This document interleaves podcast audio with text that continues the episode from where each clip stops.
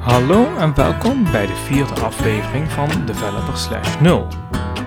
In deze aflevering gaan we kijken hoe we afhankelijkheden tussen classes kunnen scheiden met IOC slash DI. Hey, leuk dat je luistert. Ehm, voordat ik in de aflevering begin, is het misschien handig dat je ook eerst eventjes wat kennis opdoet over interfaces, als je nog niet weet wat interfaces zijn en hoe ze werken. Ik heb daar een blogartikel over en ik heb daar een podcastaflevering over. Nou, welkom. Uh, als je gaat programmeren, kom je vroeg of laat achter dat je wel eens code herhaalt. Je hebt letterlijk dubbele code in je programmatuur zitten. Een van de eerste stappen die je dan leert, is om deze patronen te herkennen en ze dan in functies te stoppen. Als je bijvoorbeeld een reeks functies hebt die, dezelfde denkbeeldige, die in dezelfde denkbeeldige categorie kunnen vallen, dan voeg je deze samen in classes. Zo zijn er bijvoorbeeld veel applicaties die een user service class hebben, die bijvoorbeeld de functies add, delete, activate, change password en zo hebben.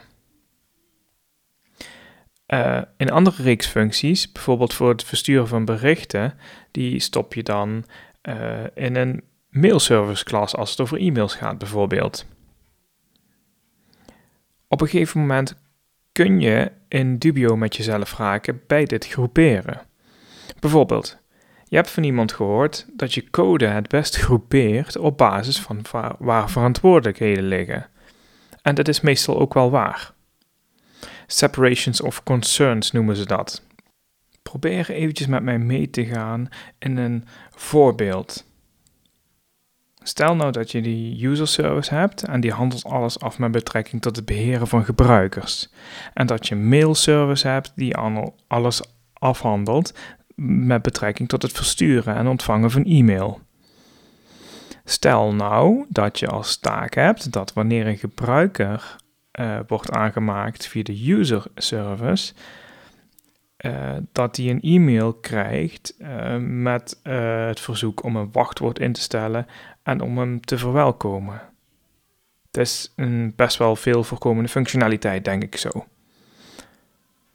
Hoe los je dat nou eigenlijk op? Want de verantwoordelijkheden van de twee classes overlappen elkaar namelijk hier. Hoe separate je de concerns hier. Je kunt het oplossen door in de user service constructor een new instance te maken van de mail service. En vervolgens gebruik je de mail service in de bijvoorbeeld activate methode. Die activate methode die wordt dan bijvoorbeeld gebruikt om uh, de user te activeren en dan uh, hem die welkomstmail te versturen. Oké? Door de tijd heen gebruik je de mailservice op exact dezelfde manier in andere classes. Je instantieert hem telkens in de constructor, zodat je hem vervolgens verderop in de klas kan gebruiken. Een jaar later blijkt het niet meer zo nodig zijn om mails te versturen, omdat de klant heeft besloten dat de berichten via instant messaging verstuurd moeten worden. Overal waar je de mailservice gebruikt, moet je dan aanpassingen maken.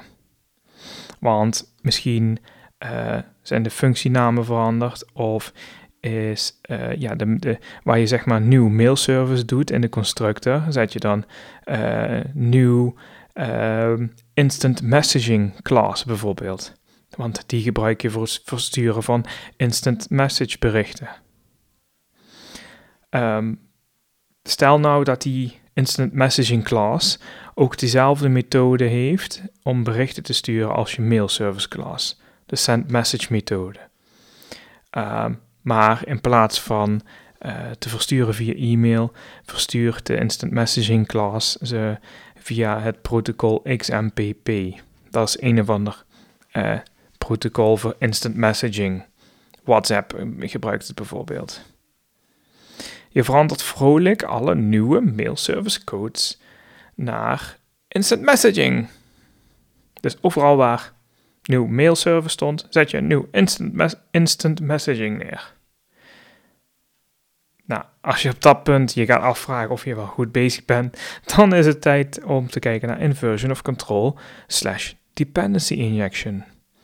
IOC slash di. Laten we eerst kijken naar het eerste probleem wat je hebt met, met de code. Met het stukje wat wellicht niet zo goed voelt. Namelijk het feit dat we op verschillende plekken de mailservice moesten vervangen door de nieuwe Instant Messaging class. Dit probleem los je stap voor stap als volgt op. Als allereerst maak je een interface waarin je beschrijft dat beide classes, dus de mailservice en de instant messaging class, een send message methode hebben die op dezelfde manier werkt. Je kunt deze interface bijvoorbeeld de naam messaging interface noemen. Stap 2. Dan uh, ga je in ieder geval de instant messaging class die interface toekennen. Dus je hebt dan waar jouw class-definitie staat, doe je uh, implements messaging interface bijvoorbeeld achterzetten. Dus je hebt dan class instant messaging implements messaging interface. En dan stap 3.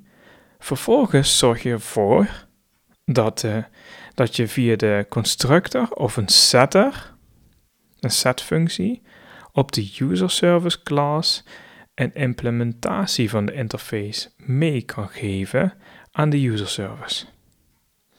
De parameter die je daarvoor gebruikt zou je kunnen type hinten. Dus dan type hint je de messaging interface op je constructor of je uh, setter. Vervolgens werk je alle variabele namen bij, zodat de namen duidelijk zijn. Je class is op dat moment enkel, enkel en alleen afhankelijk van de methodes die in de interface staan.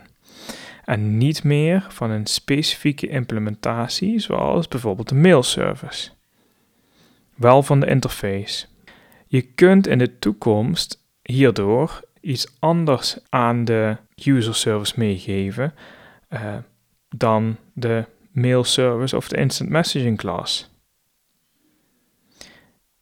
Eventueel kun je die stap ook herhalen voor andere classes die ook die interface gebruiken. Als je dat hebt gedaan, kun je overal waar nieuwe class instances worden gemaakt, die de messaging interface in de constructor ontvangen, dus zoals de user interface, die geef je uh, allemaal een instance van de instant messaging class mee. Als je ooit nog een stapje verder gaat, ga je service containers en andere uh, technieken gebruiken om dat automatisch te doen. Daar zal ik nog even in het einde van deze aflevering kort aanhalen van hoe dat dan gaat. En als je op dit punt dan bent, dan heb je dus er nu voor gezorgd dat je user interface class niet meer afhankelijk is van zowel de mail service of de instant messaging service. Simpelweg door die interface te gebruiken en op de juiste manier te implementeren. Je user service class is in dit geval wel afhankelijk van de interface, maar ja, zoals ik al eerder al zei, dat is niet echt een probleem omdat je zelf de implementatie kan kiezen. Het belangrijkste is dat je de controle hebt omgedraaid. De user service instantieert nu niet zelf meer de implementatie die hij nodig heeft, dus bijvoorbeeld de mailservice, maar hij krijgt die instance van buitenaf. Je weet wel, via de constructor of via die setter. Hiermee heb je de controle dus omgedraaid. Omgedraaid van binnen in de user service class naar buiten, buiten de user service class. Want je geeft buiten de user service, uh, maak je de implementatie en die geef je mee aan de user service. Dat is precies wat ze bedoelen met inversion of control. De dependency, dat is nu die implementatie van die interface, dus de instant messaging service bijvoorbeeld, die wordt van buitenaf via de constructor of setter geïnjecteerd. Dit wordt dependency injection genoemd. En hiermee heb je de verantwoordelijkheden, mails versturen en werken met gebruikers. Die twee verantwoordelijkheden, die heb je van elkaar gescheiden. En dit is hoe uh, inversion of control uh, dependency injection eigenlijk werkt. Nou, en als je dit dan allemaal goed snapt, zou je kunnen kijken naar bijvoorbeeld service containers of IOC containers of systemen die automatisch dependencies uh, in classes kunnen stoppen. Een voorbeeld hiervan is wat je bij Laravel uh, kan doen, is je kunt tegen de service container zeggen van als er een nieuwe uh, instance wordt gemaakt van de user service, dan wil ik dat je daar de instant messaging class in injecteert in plaats van de mail service. Daarvoor kun je zo'n uh, IOC container gebruiken, zeg maar. Um, je kunt ook zeggen van, goh, als er een, uh, als de instant, uh, als de messaging interface ergens gebruikt wordt, dan kun je daar automatisch de instant messaging class in injecteren. Dat is ook iets wat je kan doen met een, met een um, IOC service container. Dat is iets waar je nog verder op zou kunnen induiken en wat hier perfect op aansluit laatste dingetje wat ik hier nog aan wil toevoegen is dat het niet specifiek uh, voor alleen maar Laravel is, maar andere frameworks in Java en volgens mij in .NET en zo.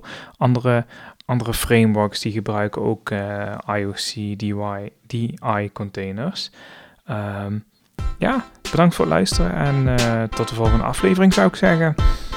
De intro tune die is gemaakt door Handmade Moments en heet Where Do You Find the Time? De afsluitende tune die je nu hoort is gemaakt door Blue Dot Sessions en heet Vienna Beat. Heb je zelf nog een leuk onderwerp dat in het hoekje ontweb, eh, webontwikkeling zit, waar je het over zou willen hebben? Stuur mij dan een mailtje aan jules.graus.gmail.com met als onderwerp podcast. Jules spel je als J-U-L-E-S. Graus spel je als G-R-A-U-S. Bedankt voor het luisteren en tot de volgende aflevering.